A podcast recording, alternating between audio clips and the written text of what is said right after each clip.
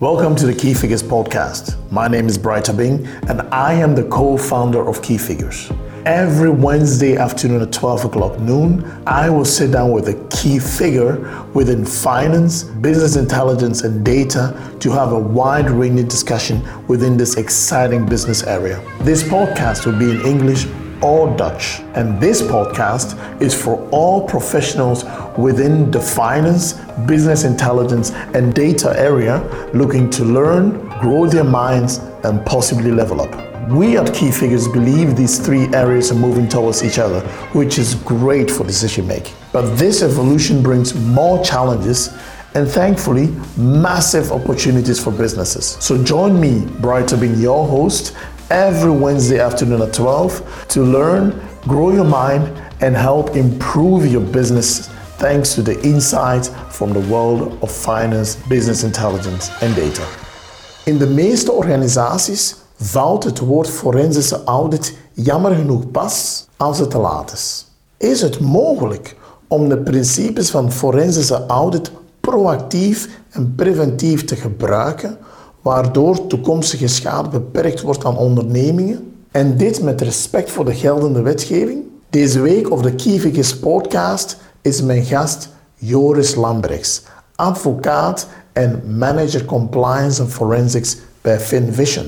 De vraag is, welke ondernemingen hebben baat bij het opzetten van een proactief compliance en forensics beleid en wat is het rendement ervan? Wij doorlopen de manier waarop er gewerkt wordt. Bijvoorbeeld hoe om te gaan met forensische kopieën. Heel belangrijk in dit verband is de hashwaarde van de forensische kopieën. Aangezien het onderzoek, bij een vermoeden uiteraard, gebouwd wordt op de assumptie dat er een rechtszaak van komt, is een juridische analyse geen overbodige luxe. Always assume a litigation will follow wordt vaak in het jargon gezegd en is hier zeker op zijn plaats. Deze episode is in feite voor iedereen die met het beleid bezig is. Van finance, sales, productie, supply chain, marketing en zeker HR. En uiteraard de juridische professionals. Als een niet-jurist is het mij heel duidelijk geworden dat een proactief forensisch beleid zeker geen overbodige luxe is. Joris Bedankt voor uw tijd, inzichten en tips in dit belangrijke onderwerp. Joris, welkom bij de Key podcast. Uh, ik ben heel blij dat we vandaag de tijd nemen om uh, eigenlijk te spreken over iets dat jammer genoeg te laat aan bod komt. Mhm. Maar je gaat ons uh, tijdens deze podcast toch gidsen om mm -hmm. goed te begrijpen dat het ook op, op een proactieve manier uh, kan uh, uh, gedaan worden. We maken de mensen heel benieuwd, maar laat ons toch eerst en vooral beginnen met mijn eerste vraag altijd. Wie is Joris Lambrechts? Wat is jouw verhaal? dank je, Bright. bedankt voor de uitnodiging in de eerste plaats. wie is Joris Lambrechts? Ehm, voornamelijk professioneel, denk ik, wat de mensen interesseert. Ik ben, ik ben jurist van opleiding, ik heb rechten gestudeerd in Antwerpen. Um, ik heb een bijkomende opleiding gedaan een paar jaar uh, nadat ik ben beginnen werken aan de Bali als advocaat. Een uh, opleiding, toen heette dat een Masterclass Forensic Auditing. Vandaag is dat uh, omgedoopt in, in Fraud Auditing, iets bekender misschien bij de mensen. ik ben tien jaar advocaat geweest aan de, aan de Antwerpse Bali, verbonden bij verschillende kantoren, maar eigenlijk in essentie altijd met dezelfde vernoot samengewerkt. Um, en ik heb mij gedurende die tien jaar gespecialiseerd in, in alles wat te maken heeft met fraude en witte criminaliteit. Um, en recent heb ik de stap gezet richting, richting consultancy bij FinVision. Okay. Um, voor zij, wie het interesseert, ik eh, ben getrouwd en heb eh, twee kleine kinderen die me soms wakker houden. Ken ik, ken ik helemaal. Uh, Joris, bedankt voor de inleiding. Uh, het woord is gevallen, hè. forensische auditing. Uh, een heel belangrijk deel van het verhaal in het bredere audit- en compliance verhaal. Um, laat ons toch helemaal van het begin beginnen. Hè. Mhm. Wat houdt forensische auditing in voor jou? En wat is misschien het verschil met de, de bekendere broer, dat is financiële audit? Wat, wat zijn de verschillen ehm, tussen die twee? Ja, forensische audit of fraudeaudit, het zijn termen die door elkaar gebruikt worden. Vroeger focussen meer op forensische audit, vandaag wordt fraudeaudit meer gebruikt. Maar dat is eigenlijk een, een, een, een zeer gerichte audit. En daar zit al een verschil met de klassieke audit, de controle van de eh, van de jaarrekeningen. Dat is een zeer gerichte audit naar aanleiding van aanwijzingen van vermoedens van fraude. Um, forensic auditing, fraude audit is, is in essentie ook een, multidisciplinaire audit. misschien meer nog dan de, de klassieke audit. Uh, waarbij je een wisselwerking gaat krijgen tussen, tussen, tussen juridische input, de, de algemene auditprincipes, hoe moet je zaken onderzoeken, welke zaken moet je ter discussie stellen en, en, en, hoe benader je bepaalde informatie die van klanten komt. En dan ook heel belangrijk natuurlijk het IT-aspect. Um, ehm, die uh, data op, in mailboxen op computers is, is uh, zeer belangrijk uh, wanneer er vermoedens van fraude reizen en die vermoedens moeten onderzocht worden. Dus het is ook cruciaal dat je daar de nodige ondersteuning krijgt. Um, en zoals gezegd, ja, die, die, die, die forensische audit, die fraude-audit, die is, is veel gerichter. Het gaat erom dat binnen een bedrijf men denkt of meent te denken dat persoon X of Y uh, het bedrijf benadeeld heeft, uh, zaken doet die niet ethisch zijn, die misschien zelfs strafbaar zijn. En dat men dan aan de fraudeauditor gaat vragen uh, om, om zeer concreet dat onderzoek te voeren, een aantal vaststellingen te doen, als die vaststellingen kunnen gedaan worden natuurlijk, want het is niet omdat er vermoedens zijn dat die vermoedens ook correct zijn. Um, en daar dan over te rapporteren, zoals opnieuw dan de, de klassieke audit. Uh, fraudeaudit zal, zal, als er een uh, rapport komt uh, over bepaalde inbreuken die gepleegd zijn door mensen binnen een organisatie, zal ook altijd een aantal verbeterinitiatieven omvatten. Verbeterinitiatieven zeer concreet, in de zin van kijk, je moet deze of gene juridische actie ondernemen ten aanzien van die persoon die wij onderzocht hebben. Of meer algemeen, kijk, naar de toekomst toe, denk ik toch dat uw, uw fraudebeheersingsprocedure, de zuivere preventie, hè, want forensic auditing is reactief, uh, maar er, vanuit compliance proberen wij ook altijd veel meer preventief te werken. Ehm, moet je misschien daar, op da daar of daarop letten? moet je een, strenger controlesysteem installeren? Um, of moet je bepaalde policies implementeren die uh, tijdens de specifieke fraudeaudit het, het iets moeilijker hebben gemaakt om te onderzoeken. Maar het gaat altijd om in essentie een vermoeden dat wordt, dat wordt geopperd door iemand. dat vermoeden wordt getoetst. er wordt gekeken of die hypothese juist is. En daarover wordt gerapporteerd, zeer specifiek. Wij hanteren geen materialiteitsgrenzen bijvoorbeeld zoals in, in, in de klassieke audit. Bij ons is elke euro belangrijk. Oké, heel duidelijk. Um, je hebt heel wat elementen uh, naar voren gebracht die wij zeker en vast uh, in deze podcast uh, één voor één gaan uitpakken. Mm -hmm. misschien een, even een sidestep. Ik, ik, vind, ik vind de beweging die jij hebt gemaakt van, van, van de klassieke advocatuur, uiteraard met, met focus op fraudeonderzoek, naar consulting best wel interessant. Waarom heb je de stap gemaakt?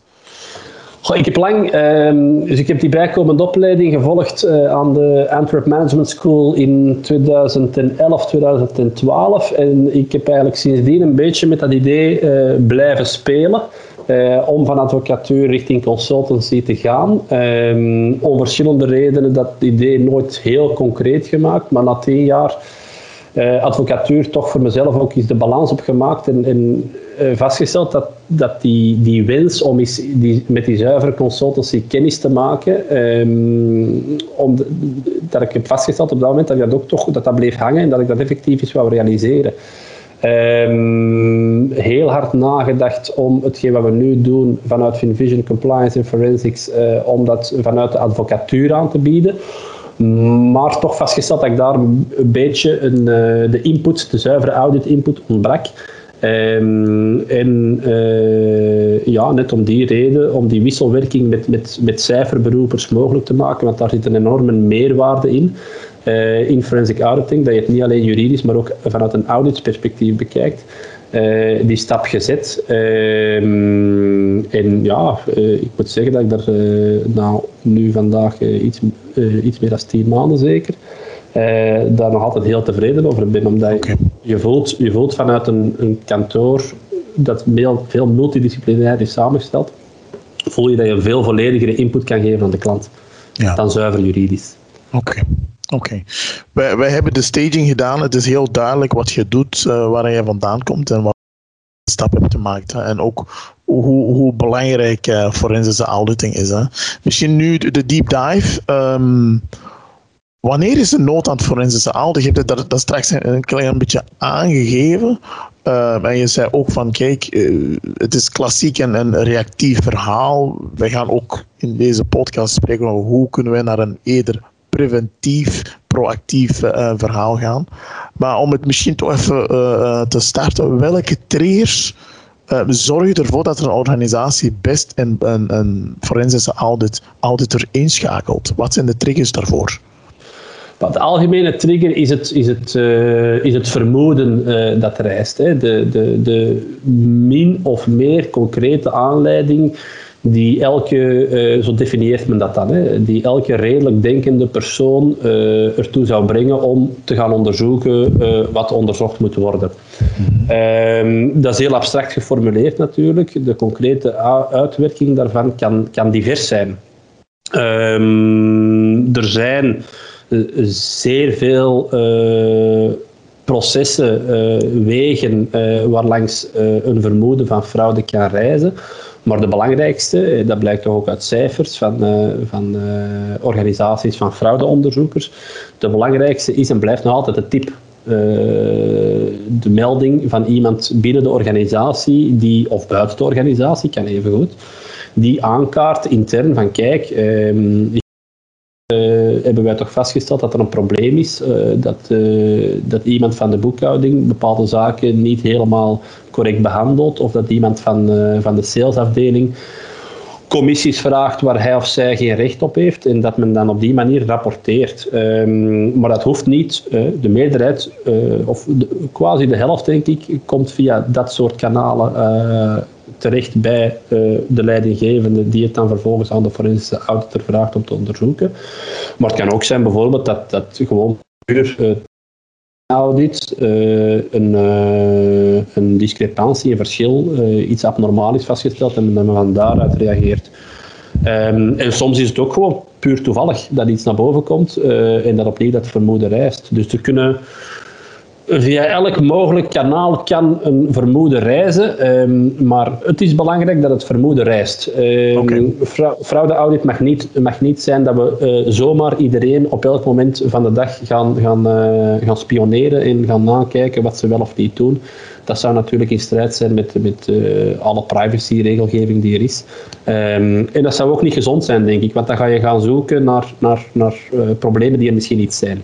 Ja, ja, duidelijk. Uh, ik ben heel blij dat je de laatste zegt, want ik zou niet graag in een organisatie werken waar uh, bij wijze van spreken de, de forensische audit uh, machine constant draait. Dus ik ben heel blij dat jij aangeeft dat het toch wel een duidelijke aanleiding moet zijn. Oké, okay, de tip komt binnen of er is een duidelijk vermoeden. Hoe ga je te werk?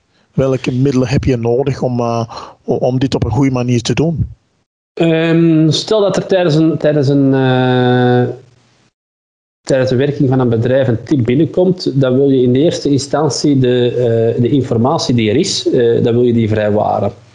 Uh, dat noemt men dan in het Engels uh, litigation hold procedures, waar dat ofwel bestaat er al papier binnen de organisatie en kan dan een vaste, vast traject worden afgelegd. Uh, bestaat dat niet, dan gaan we moeten kijken uh, wiens mailbox we, moet, bijvoorbeeld moeten kopiëren, voorlopig in afwachting van verder onderzoek, wiens computer we moeten veiligstellen, uh, omdat de, uh, wat in een onderzoek, in eender welk onderzoek, gebeurt door uh, private fraudeonderzoekers of publieke fraudeonderzoekers, de politie, is dat je uh, zoveel mogelijk informatie hebt en dan daarna die informatie gaat onderzoeken en in een volgende fase die uh, het resultaat van jouw onderzoek, de analyse van een documenten, gaat toetsen ten opzichte van verklaringen.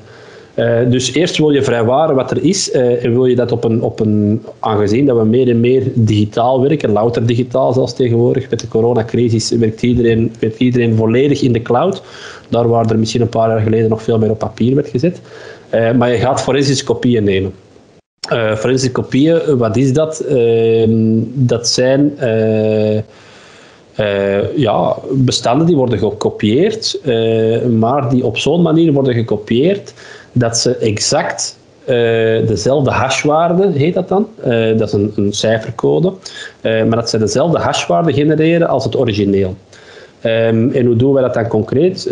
Wij sturen een IT-expert ter plaatse um, en wij vragen hem of haar om, als het gaat een onderzoek naar fraudevermoedens met betrekking tot één specifiek persoon, Ehm, dan vragen wij, kijk, kopieer in eerste instantie uh, de computer en de mailbox, of de mailbox die op de computer staat, de IT-omgeving van die persoon, en schrijf die weg en zorg gewoon voorlopig dat die hashwaardes hetzelfde zijn. Waarom? Um, we gaan er altijd vanuit tijdens een forensische audit dat een, juridische procedure zal volgen. Dat, is, uh, dat is het credo in, elke, in elk handboek. Always assume litigation will follow. Um, en als juridische procedures volgen, dan ontstaan er discussies.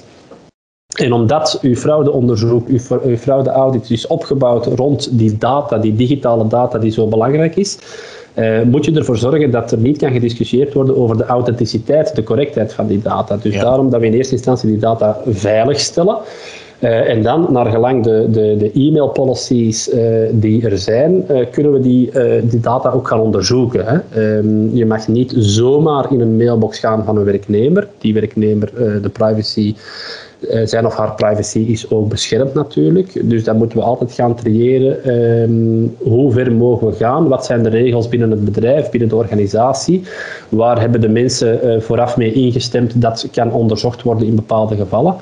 Um, en dan gaan we uh, in een navolgende fase misschien wat publieke informatie, publieke domeinen bekijken. Welke achtergrond kunnen we extra meegeven aan het verhaal. Ehm, en eventueel in een laatste fase kan, als we alle informatie hebben binnen de IT-omgeving van het bedrijf of publieke bronnen die we hebben geraadpleegd en we hebben, daar een aantal logische verbanden in vastgesteld, dan kunnen we mensen confronteren met die logische vaststellingen, met die verbanden die we uh, hebben gevonden.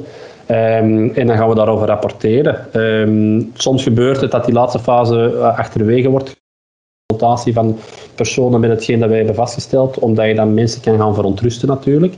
Um, en op basis van ons rapport kan, kan de organisatie, kan de leidinggevende van de organisatie dan beslissen, uh, in samenspraak heel vaak met de juridische adviseurs, de advocaten die al in, in de procedure betrokken zijn.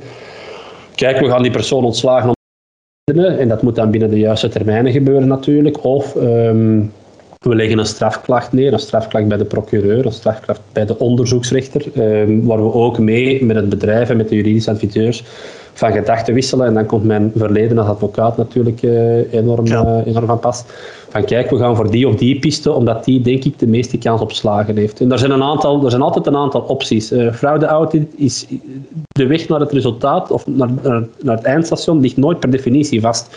En je komt altijd uh, en cours de route informatie tegen die, die u misschien in een andere richting stuurt, maar dan moet je je daaraan aanpassen. Ehm, en uh, het is de bedoeling, denk ik, dat je gewoon dat je flexibel bent, dat je uh, multidisciplinair handelt, dat je uh, op tijd problemen dubbelcheckt of laat dubbelchecken, um, zodat je vanuit die insteek, dat je ervan uitgaat, always assume litigation will follow, altijd ervan uitgaan dat de juridische procedure kan volgen, dat je met een sluitend, sluitend rapport naar je opdrachtgever gaat op het eind van de rit, waar de feiten zijn opgelijst en niks dan de feiten, um, maar wel op zo'n manier dat de toekomstige lezer, en dat kan dan een rechter zijn of een procureur, dat die wel in één oogopslag uh, kan zien wat er wel of niet fout is gegaan. Oké.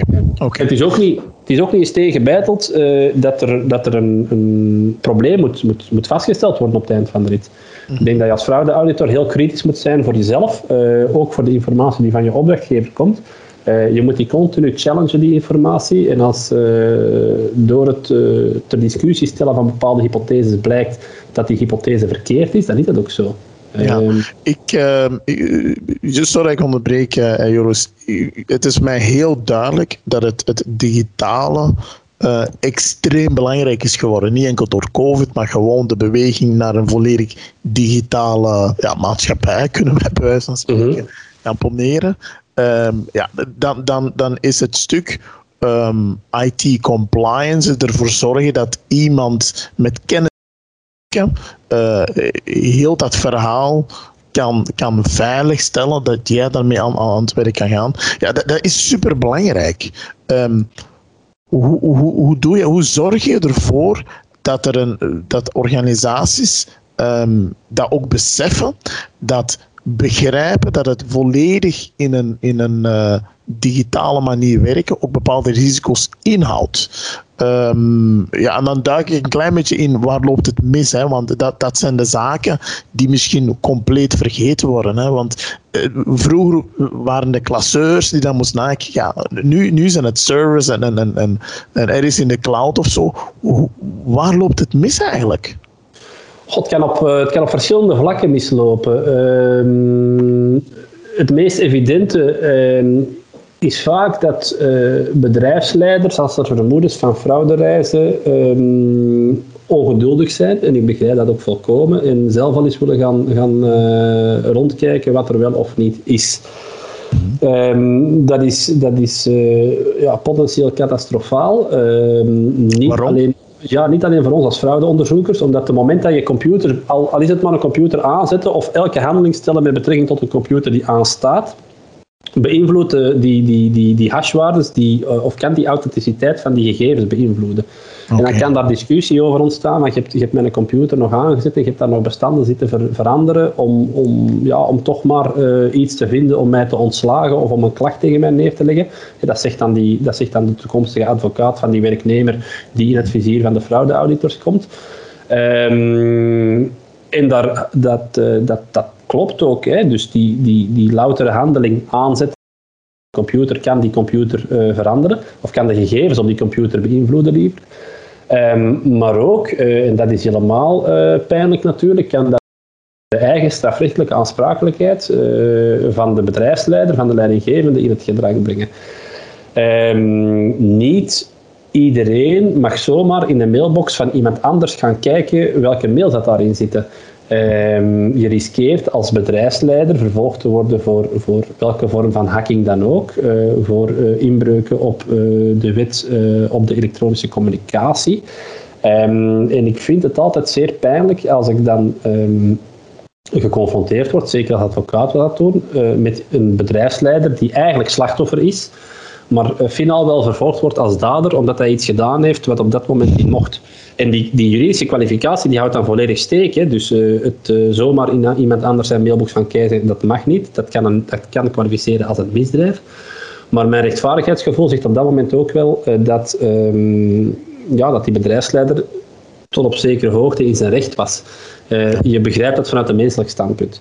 Dus daar kan het in eerste instantie mislopen. Mensen die te snel, te snel zelf zaken willen bekijken. Dus mijn advies zou altijd zijn, wacht even, probeer, als er een groot probleem rijst, even afstand te nemen. Dat is met, met alle, alle problemen zo, denk ik. Eh, snelheid is, is, is echt niet goed op dat moment. Um, en waar loopt het ook mis? Um, enkele jaren voordat de vermoedens van fraude reizen. Um, ik kom nog heel vaak tegen, en dat het voor de meerderheid van de bedrijven zo is, dat er bijvoorbeeld geen e-mail of computer policy is uh, die afgetekend is door alle medewerkers van de organisatie, uh, waarin duidelijk bepaald staat wat de regels zijn. Uh, wanneer mag het bedrijf of de bedrijfsleiding eh, de mailbox laten controleren, wanneer niet.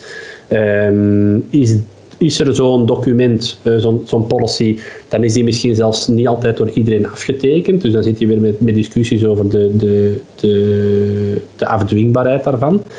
Um, dus ik probeer ook continu um, via verschillende kanalen en door met bedrijfsleiders te spreken en daar attent op te maken van kijk, zorg, zorg dat je voor een stuk in, in, in fraude-audit, maar ook in, in, in forensics dus, maar ook in compliance, dat je een beetje voorbereid, uh, een beetje voorbereid bent op, op worst-case scenario's. Um, we maken geen regels voor als het goed gaat. Niemand sluit een contract met iemand anders af, uh, ervan uitgaande dat we dat contract vervolgens gaan moeten inroepen om bepaalde zaken geleverd te krijgen. Um, maar het moet er wel zijn, want anders, als er discussie komt, zijn de regels onduidelijk. En als de regels onduidelijk zijn, dan, dan, ja, dan is er discussie, dan is er onzekerheid. En onzekerheid kost geld. Klopt. Heel goed. Um, ik denk sowieso wel misschien in, uh, dat, dat het geen slecht idee is dat bedrijven misschien een checklist of zo krijgen van uh, kijk, in feite, hoe, hoe, kan jij nagaan of, of, of jouw organisatie sterk genoeg is om een dergelijke situatie, om met een dergelijke situatie op een goede manier om te gaan? Um, bestaat zoiets eigenlijk? Een zuivere checklist, ik heb daar in het verleden ook over nagedacht. Een zuivere checklist is, is moeilijk. Uh, moeilijk omdat ik denk dat je in België... tenminste een denkkader, want ja, ik, ik kan me wel iets bij voorstellen. Een, een, een, een CEO of een managing director van een, van een, een, een, een, een KMO dat, dat goed bezig is. Ja, zij zijn hier niet mee bezig. Ze, ze zijn met hun business bezig, ze willen vooruit gaan. Ze hebben uiteraard wel een jurist ter, ter uh, hun beschikking, maar uh, die komt enkel als bijvoorbeeld bijvoorbeeld een klant niet betaalt of er is een issue met een werk, werknemer. Maar ze zijn met een dergelijke zaak niet bezig. Maar uh, is, is het mogelijk om een bepaald denkkader mee te geven? Ik, vond uw voorbeeld van denk eens na over e-mail uh, policy, dat dat moet afgetekend worden. Ik kan me echt wel. Uh, ik denk dat er heel veel bedrijven zijn die dit gewoon niet hebben.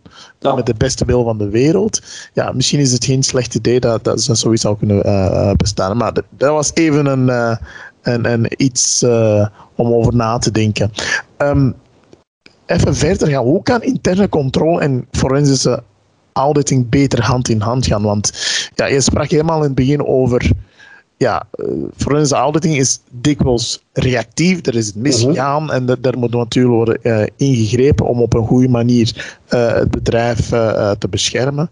Maar door een mogelijke goede samenwerking met interne controle kunnen natuurlijk proactief heel wat zaken worden opgezet. Hoe, ja. kan, hoe kan eigenlijk de, de, de symbiose tussen interne controle en forensische auditing beter hand in hand gaan met elkaar?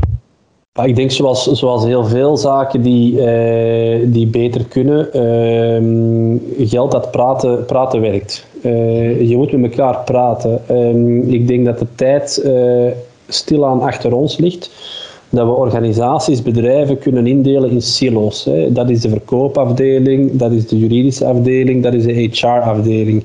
Um, als, je, als je een bedrijf op die manier gaat blijven leiden, en het, is misschien een beetje pretentieus vanuit mijn standpunt, voornamelijk in, in uh, juridische consultancy in het algemeen, om dat aan bedrijfsleiders mee te geven. Maar ik denk wel dat als je een bedrijf op die manier gaat leiden, dat dat op termijn niet goed komt. Uh, die silo's die moeten voor een stukje doorbroken worden. Iedereen blijft zijn specialisatie hebben natuurlijk. Um, maar je moet leren van elkaar. Ehm, mensen in interne audit moeten tot op zekere hoogte het, het, uh, het buikgevoel van, van fraudeauditoren overnemen. Zij moeten geen fraudeauditoren worden, voor alle duidelijkheid. Zij moeten geen specialisten worden, maar ze moeten die algemene reflexen een beetje aangeleerd krijgen. Dat kan je via opleidingen, uh, dat kan je via uh, meer formele toolboxen of, of checklists die je installeert. Um, ik ben zelf voorstander van, van de informele weg. Um, je um, moet tegelijkertijd ook de mensen van, van de fraudeauditors uh, laten praten met interne audit. Uh, omdat door het gesprek aan te gaan, uh, niet alleen tussen die twee afdelingen, maar ook bedrijfsleiding met externe adviseurs rond compliance en forensics, dan ga je door gewoon te praten met elkaar heel veel problemen identificeren. ga je alle problemen kunnen identificeren? Nee, dat is onmogelijk. dat mag je ook niet verwachten, denk ik. Um, maar uh, doordat iedereen zijn stukje van het verhaal kent en over uh, zijn of haar stukje van het verhaal kan praten en dat kan uitleggen aan de andere, uh, die dan in een andere silo van de organisatie zit, die we voor een stukje gaan openbreken, um, dan krijg je een, denk ik een heel interessante symbiose, kennis die, die samen wordt gelegd, waar nog meer kennis uit voortvloeit. Ik denk om, klinkt een beetje sloganesk, maar om, om kennis te vermenigvuldigen moet je ze delen. Uh, iedereen die op zijn domeintje blijft zitten, uh, dat komt niet goed. Uh, hij of zij zal misschien een specialist worden, maar zal het, zal het overzicht gaan verliezen. Um, en dat is niet anders voor interne audit en fraudeaudit als twee afzonderlijke afdelingen. Um, zij moeten met elkaar praten. Zij moeten uh, op periodieke basis debriefings doen van zaken die ze hebben vastgesteld. Um, maar ook in het algemeen zaken die ze niet hebben vastgesteld, waar de mensen van fraudeaudit dan tegen interne audit kun, kunnen zeggen bijvoorbeeld, van, ja, maar je hebt daar in het algemeen dat probleem uh, gelokaliseerd, uh, maar heb je dan daar en daar verder gekeken? Ehm, hetzelfde met, met, met compliance in het algemeen. Hè. Compliance adviseurs die samen zitten met de raad van bestuur moeten in eerste instantie heel goed luisteren naar de raad van bestuur. Jullie kennen jullie business. Leg ons de business uit, wat dat jullie doen. En wij zullen, en dat kan tijdens het gesprek of achteraf, maar wij zullen af en toe eens zeggen van kijk, heb je daaraan gedacht, heb je daaraan gedacht. De quick win, hè, daar hebben we het al over gehad, de quick win is e-mail policies. Dat is een, dat is een no-brainer, dat moet je hebben, um, omdat als het over uh, fraudeonderzoeken gaat, dat cruciaal is om om, um, om te weten hoe ver je uh, mag gaan als interne fraudeonderzoeker, als private fraudeonderzoekers. Politieagenten, onderzoeksrechter, procureurs, die mogen natuurlijk veel verder gaan als private fraudeonderzoekers. Dus wij moeten heel duidelijk afgeleid hebben uh, waar, we, waar we in mogen gaan kijken en waarin niet. Uh, maar tegelijkertijd is het belangrijk ook, denk ik, dat een organisatie eens nadenkt van wat, wat zijn onze waarden, wat is onze missie.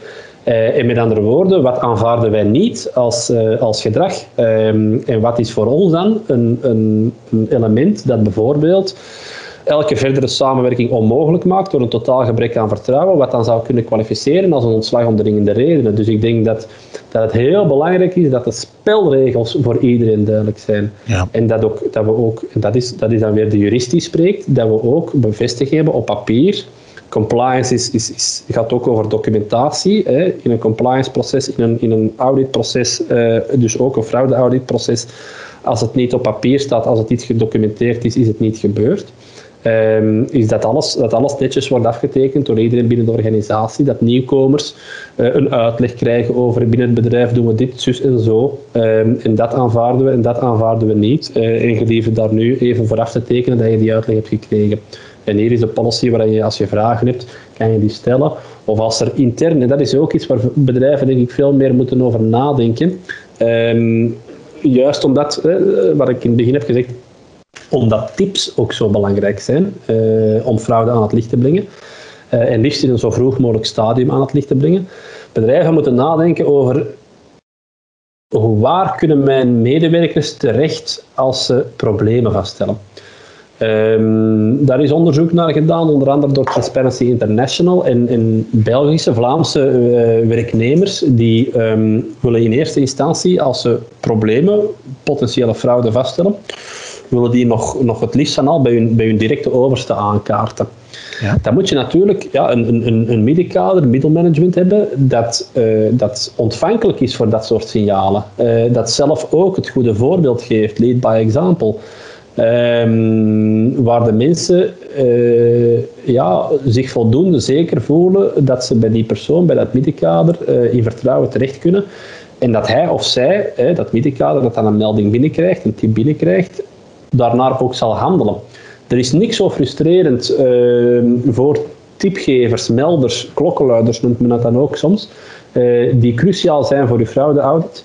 Uh, als een, een, een, probleem dat wordt gerapporteerd, ze steken hun nek uit en er gebeurt vervolgens niks mee. Dus ik denk dat daar ook bedrijven aan moeten denken. Uh, baken heel duidelijk de onderzoeksbevoegdheden af. Baken heel duidelijk af wat um, wat mag en wat niet mag binnen de organisatie. En faciliteer ook, uh, creëer een, uh, faciliteer ook meldingen uh, en creëer, we moeten geen kliklijnen installeren. Absoluut, daar pleit ik, pleit ik niet voor. we gaan niet naar, naar vroegere Oost-Europese toestanden achter het ijzeren gordijn. waar iedereen, iedereen aan de galg praat, dat wil ik absoluut niet. maar creëer wel een cultuur binnen uw organisatie door het voorbeeld te geven door uw middenkader uh, een zekere gevoeligheid aan te leren om te luisteren naar de mensen. Uh, zorg er ook voor dat als de mensen een verhaal komen vertellen, dat daar, dat daar opvolging voor is en dat, dat er ook wordt gecommuniceerd over die opvolging. Uh, en creëer op die manier denk ik een cultuur van, van transparantie, een cultuur van, van, compliance, van wettelijkheid, um, die want dat is de bedoeling natuurlijk, die misschien zelfs fraude-audits op termijn overbodig zal maken, of quasi overbodig zal maken. Ja. Net omdat we problemen zo vroeg kunnen detecteren. Ik denk dat je op die, op die drie eh, domeinen moet inzetten. Onderzoeksbevoegdheden, wat mag en wat niet mag, is eerder juridisch. Uh, meer cultuur, change management is die, is die, is die, uh, die, die, ja, die transparantie creëren. Hè dat mensen uh, het lef hebben en voldoende vertrouwen hebben om, om iets uit te spreken als er een probleem is. Ja. Gaat trouwens, gaat trouwens veel verder als fraude. Het kan wat mij betreft ook over inefficiënties gaan. kan ook over, en moet ook denk ik over grensoverschrijdend gedrag gaan. Dat is op zich niet fraudeleus in de zin van financiële fraude, maar dat heeft ook een zeer grote impact op een organisatie en uh, op, op de personen die dat grensoverschrijdend gedrag uh, moeten ervaren. Um, en je gaat ook, denk ik, uh, en nu ben ik al, al heel ver aan het uitweiden, maar je gaat op die manier, denk ik, op termijn ook um, ja, de tol zetten in de, in, in de bedrijfswereld. Ja, ja, um, kijk naar de, de, de studenten die vandaag aan universiteiten en hogescholen opleidingen volgen. Die staan helemaal anders in het leven uh, dat zijn voor een stuk de eerstejaars de klimaatbetogers. Die staan helemaal anders in het leven dan, dan ik zelf toen, uh, toen ik 18 jaar was. En dat is uiteindelijk ook nog niet zo lang geleden. Um, en ik zelf stond dan ook weer totaal anders in het leven als de mensen die vandaag in de, voor het grootste deel dan in de raden van bestuur zitten. Um, maar die nieuwe, die nieuwe afgestudeerden, of die toekomstig afgestudeerden, ja, in, de, in de race for talent, we gaan die wel nodig hebben als organisatie. Dus als wij kunnen laten zien hoe wij um, hoe wij actief zijn rond, rond ethisch en duurzaam ondernemerschap, uh, hoe wij een, een uh, fraude een halt toeroepen en dat ook zeer consequent doen. Um, als we dat kunnen in de markt zetten ook en duidelijk kenbaar maken. En het mag geen window dressing zijn, hè? dus het moet ook effectief zo zijn binnen de organisatie dat we daar aandacht aan besteden. Um, dan gaan wij als organisatie een, een, interessante werkgever worden voor die, voor die nieuwe talenten. Ja. Um, daar waar misschien andere, andere bedrijven het veel moeilijker gaan hebben op lange termijn. Ja. Nu, nu Joris, het, het, het woord is gevallen en een heel, heel belangrijk concept, dat is het, uh, het concept van change management. Uh, zie je in heel wat uh, processen die in organisaties worden in gang getrapt eigenlijk. Maar ik kan me wel iets voorstellen als, als, als jij voor een, voor een, voor een KMO of zo een, een, een, een proactief uh, forensisch uh, beleid gaat uitstippelen. Dat moet dan uitgerold worden, al dan niet met de externe auditor. Ja, de, de, de, de finance neemt daar een belangrijke rol in, omdat het dikwijls gaat om het vrijwaren van de middelen van de organisatie. Hoe zorg je ervoor dat heel dat change management op een goede manier wordt um, aangevuld ten eerste, maar ook uh, ja, uh, wordt aanvaard dat, dat, dat, dat op, op vanaf nu transparantie eigenlijk naar een, een, een 2.0 gaat, bij wijze van spreken. Wat, wat, zijn de tips die jij, die jij geeft aan organisaties die ja, dat stuk change management willen, willen installeren? Ik denk, um, om te beginnen moet er een engagement zijn van de leiding. Um, leiding moet je tot op zekere hoogte carte blanche geven om te doen wat nodig is. Als, de, als de, de personen uh, die het project moeten goedkeuren, die dus ook de financiële middelen moeten voorzien, als die er niet achter staan of die willen, die willen louter een paar vakjes afvinken, um, ja, dan, dan gaat het niet lukken, denk ik. Uh, maar eens dat je dat engagement hebt, Um, dan ga je vervolgens die, die, die leiding moeten verlaten, hè, tot op zekere hoogte, en ga je terug vanuit de basis moeten werken. Um, je moet gaan praten met de, met de mensen binnen de verschillende functies. Um, je mag hen uh, niets zomaar opleggen en zeggen en vanaf nu doen we het zo, want dat gaat niet werken. ja, je, je gaat moeten luisteren. Opnieuw, luisteren om de, om de probleemdomeinen te identificeren. Dat doe je met je raad van bestuur. Maar even goed luisteren met de mensen die, die, die, ja, op de werkvloer het, uh, de zaken dag in dag uit meemaken.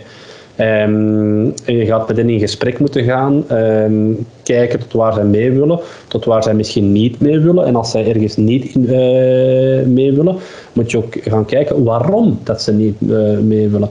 en je moet ook de boodschap die je zelf moet brengen, uh, moet ook focussen op het waarom. Uh, pas in een latere fase het wat en het hoe. Hè, daar, zijn ook, daar zijn ook boeken over geschreven, marketinggewijs. Um, maar dat klopt wel. Uh, als je mens, als je, als je, als ik, ik mag even een uitstap specifiek naar, naar, naar AML, naar witwaspreventie, uh, dat soort compliance.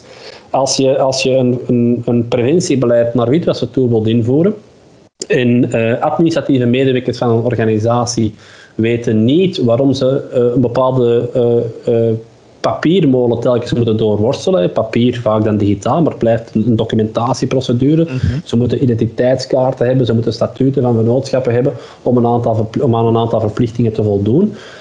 Als je hen niet uitlegt dat de organisatie, als ze onder de preventieve witwaswet valt, dat de organisatie riskeert vervolgd te worden voor uh, witwassen uh, in de zin van artikel 505 van het strafwetboek, en nu word ik al een beetje technisch, als je hen niet uitlegt waarom dat zij uh, heel die papierberg telkens moeten doorworstelen, dan gaan ze daar ook slordig in worden.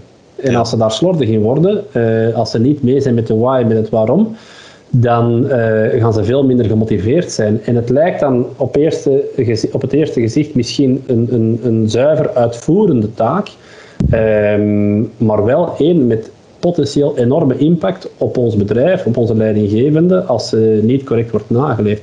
En ik denk dat daar bestaan ook studies over, maar ik denk dat het merendeel van de mensen binnen een organisatie, als je goed uitlegt waarom dat ze iets moeten doen en waarom dat we nu eenmaal dat regeltje hebben ingevoerd, uh, dat dat niet is om de mensen te pesten, om ze het leven zuur te maken, om ze, om ze meer werk te geven, maar dat het effectief een meerwaarde heeft ook, um, dat ze dan wel gaan meestappen. Terwijl er altijd mensen zijn die niet mee willen stappen in het verhaal.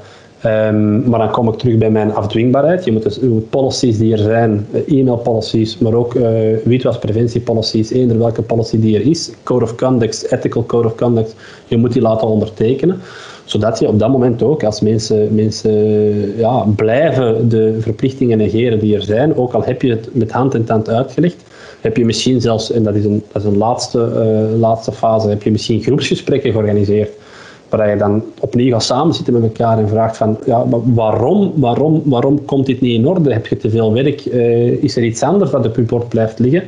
Um, dat je dus meer coaching aanbiedt op die manier. Um, maar blijven ze dan ook halstarrig weigeren om bepaalde, bepaalde zaken te doen die ze moeten doen, ja, dan moet je er afscheid van nemen. Um, Maar ja, dat kan je pas doen nadat je goed hebt geluisterd en ook de tijd hebt genomen om de mensen het uit te leggen. Um, ik, ga, ik nooit iets invoeren als ik niet minstens met een aantal mensen heb gesproken van de, uh, uit verschillende geledingen van het bedrijf. Dan ga ik nooit iets adviseren. Als ik alleen naar de leidinggevende luister, dan weet ik dat ik een onvolledig verhaal krijg. En omgekeerd, als ik alleen naar de, naar de basis luister, dan ga ik ook een onvolledig verhaal krijgen. Het is de leidinggevende die beslist over hoe de regels worden geïmplementeerd, voor alle duidelijkheid.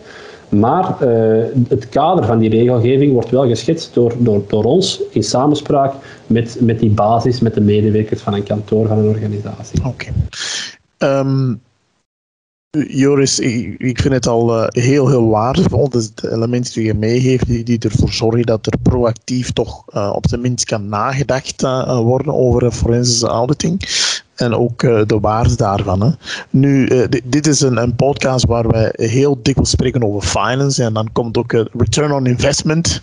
want dit, dit, is een investering om, ja, om de organisatie transparanter, duurzamer en gewoon compliance te koers te maken natuurlijk. Um, ik denk dat de CFO of, of de finance director of, of, of finance manager, die mogelijk aan het luisteren zou kunnen zeggen, ja Joris, dat klinkt allemaal heel goed, maar wat is eigenlijk het rendement om, om, een, om een dergelijk uh, forensisch uh, uh, beleid proactief te gaan voeren? Wat, wat zijn de use cases die je daarvoor hebt eigenlijk? Ja, dat is de, dat is de eeuwige discussie die je, die als adviseur forensics en compliance krijgt. Is, um, en dat is ook het probleem, denk ik, dat sommige, sommige virologen tegenwoordig hebben. Um, als je erin slaagt een probleem te voorkomen, dan doet het probleem zich niet voort en is er ook geen schade. Um, nu, als, als, uh, als boetade zeg ik vaak dat, uh, dat, uh, dat mijn factuur of onze factuur ongeveer even hoog is als de eerste, eerste voorschotfactuur die ze gaan moeten betalen aan hun advocaat als ze effectief vervolgd worden voor fraude of als ze een klacht willen neerleggen voor, dus wanneer ze geviseerd worden als dader van fraude, of wanneer ze een klacht willen neerleggen als slachtoffer van fraude. Dus ik dat denk, is genoeg. ja, ik denk, ik denk als, we, als wij er maar in slagen, maar ik kan dat natuurlijk nooit, nooit effectief op papier aantonen, of heel, heel moeilijk op papier aantonen, maar als we er maar in kunnen slagen door, door de compliance, door de forensics investering te maken, um, als we erin kunnen slagen om, al is het maar één relatief grote juridische procedure te vermijden, dan zitten we, dan zitten we break-even. Um, dat is natuurlijk geen exacte wetenschap, hè, maar ik denk dat je daar wel van kan uitgaan. Um, en um, directe meerwaarde, directe meerwaarde gaat ook zijn, denk ik, dat, uh, dat door dat soort zaken geïntegreerd te laten aanpakken, dat uw, uw, um, uw bedrijf gewoon veel beter gepercipieerd wordt, intern en extern.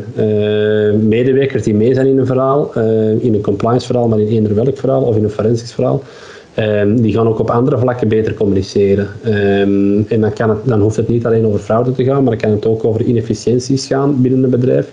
Uh, waar dat mensen soms misschien blijven voortdoen uh, omdat we het altijd al zo deden, maar totaal ja. inefficiënt.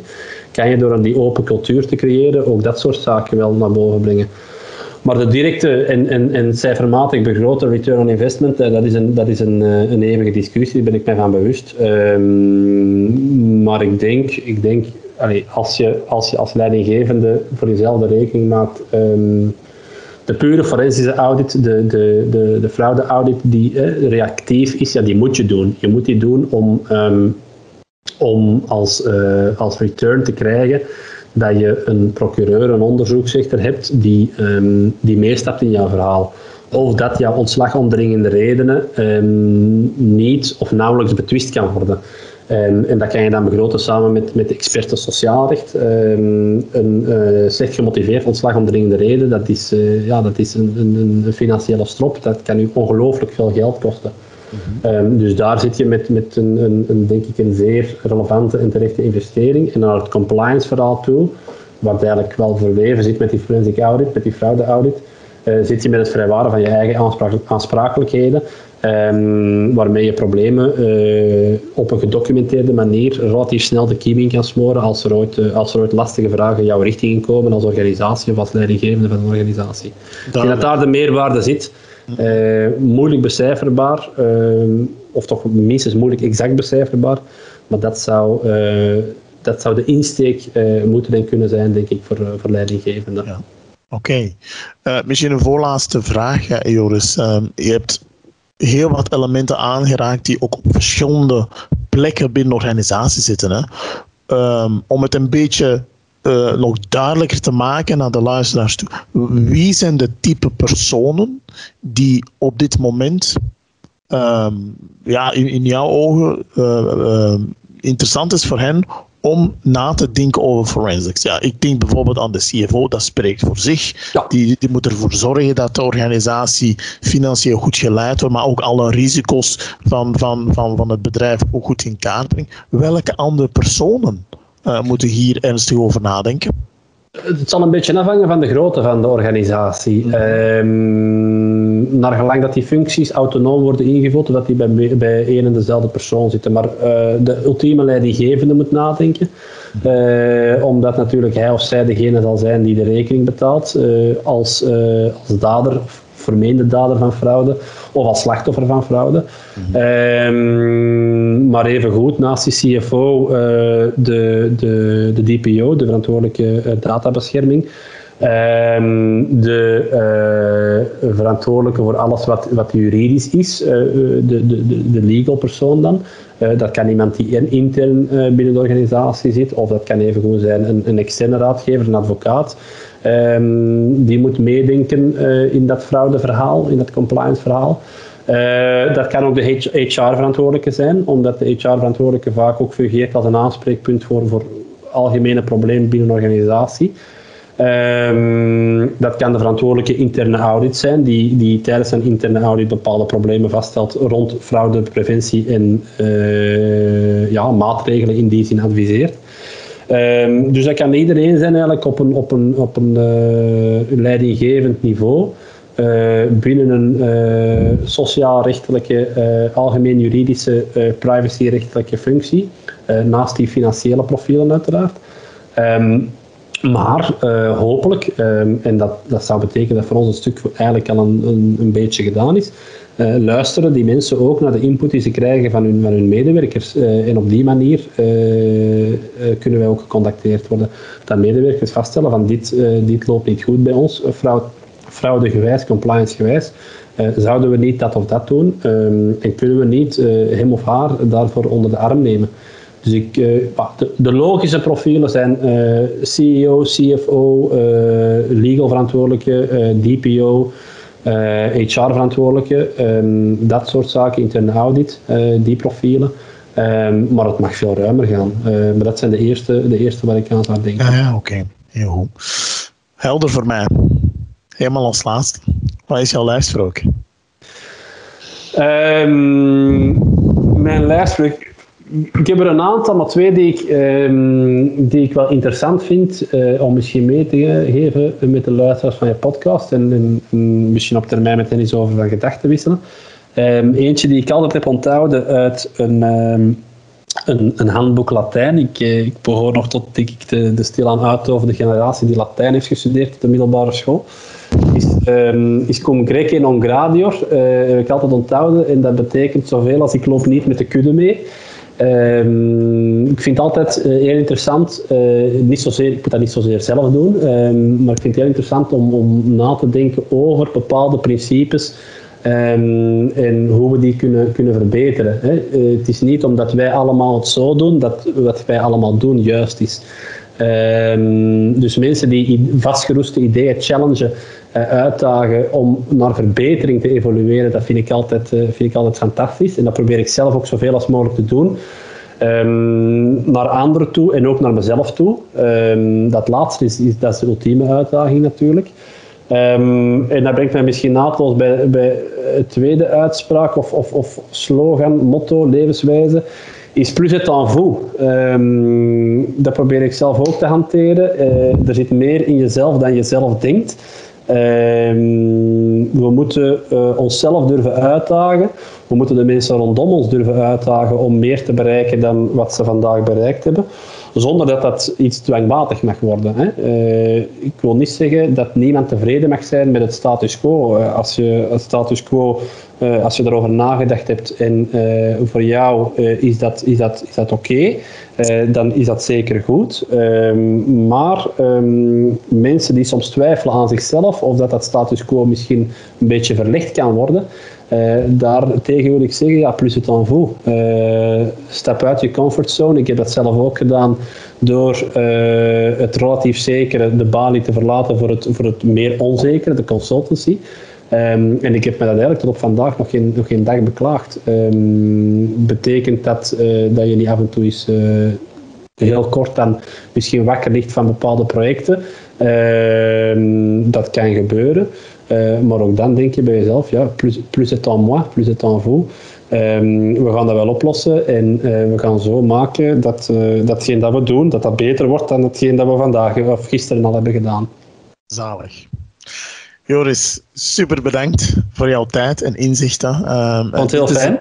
Ik vond het ook. Uh, dit is een onderwerp dat helaas uh, op, de, op de meest uh, foute momenten wordt uh, besproken. En ik, ik, ben u bijzonder dankbaar dat wij toch wel een klein beetje van een reactief naar een, een, een proactief, preventief model aan het gaan zijn. Dus nogmaals bedankt voor je tijd en jouw inzichten. En ook voor onze luisteraars heel graag tot volgende week voor een nieuwe aflevering van de Keeping It podcast. Thank you so much for spending your precious time with the Key Figures podcast. Our goal is to deliver value for you, the professional within finance, business intelligence, and data. Please share this podcast with anyone who might get value out of it. I would love to get your feedback. So if you have topics you want to see covered on this podcast or even suggestions to improve this podcast, please send us an email to podcast at keyfigures.be. We read and respond to every email we get. That is a promise. Please also take just one minute to give this podcast a five star rating if you believe we are delivering value. This will help us reach more professionals looking for great content to grow their mind. You will also find all the show notes at www.keyfigures.be. Thanks again for listening and see you next week, Wednesday at noon. Bye bye.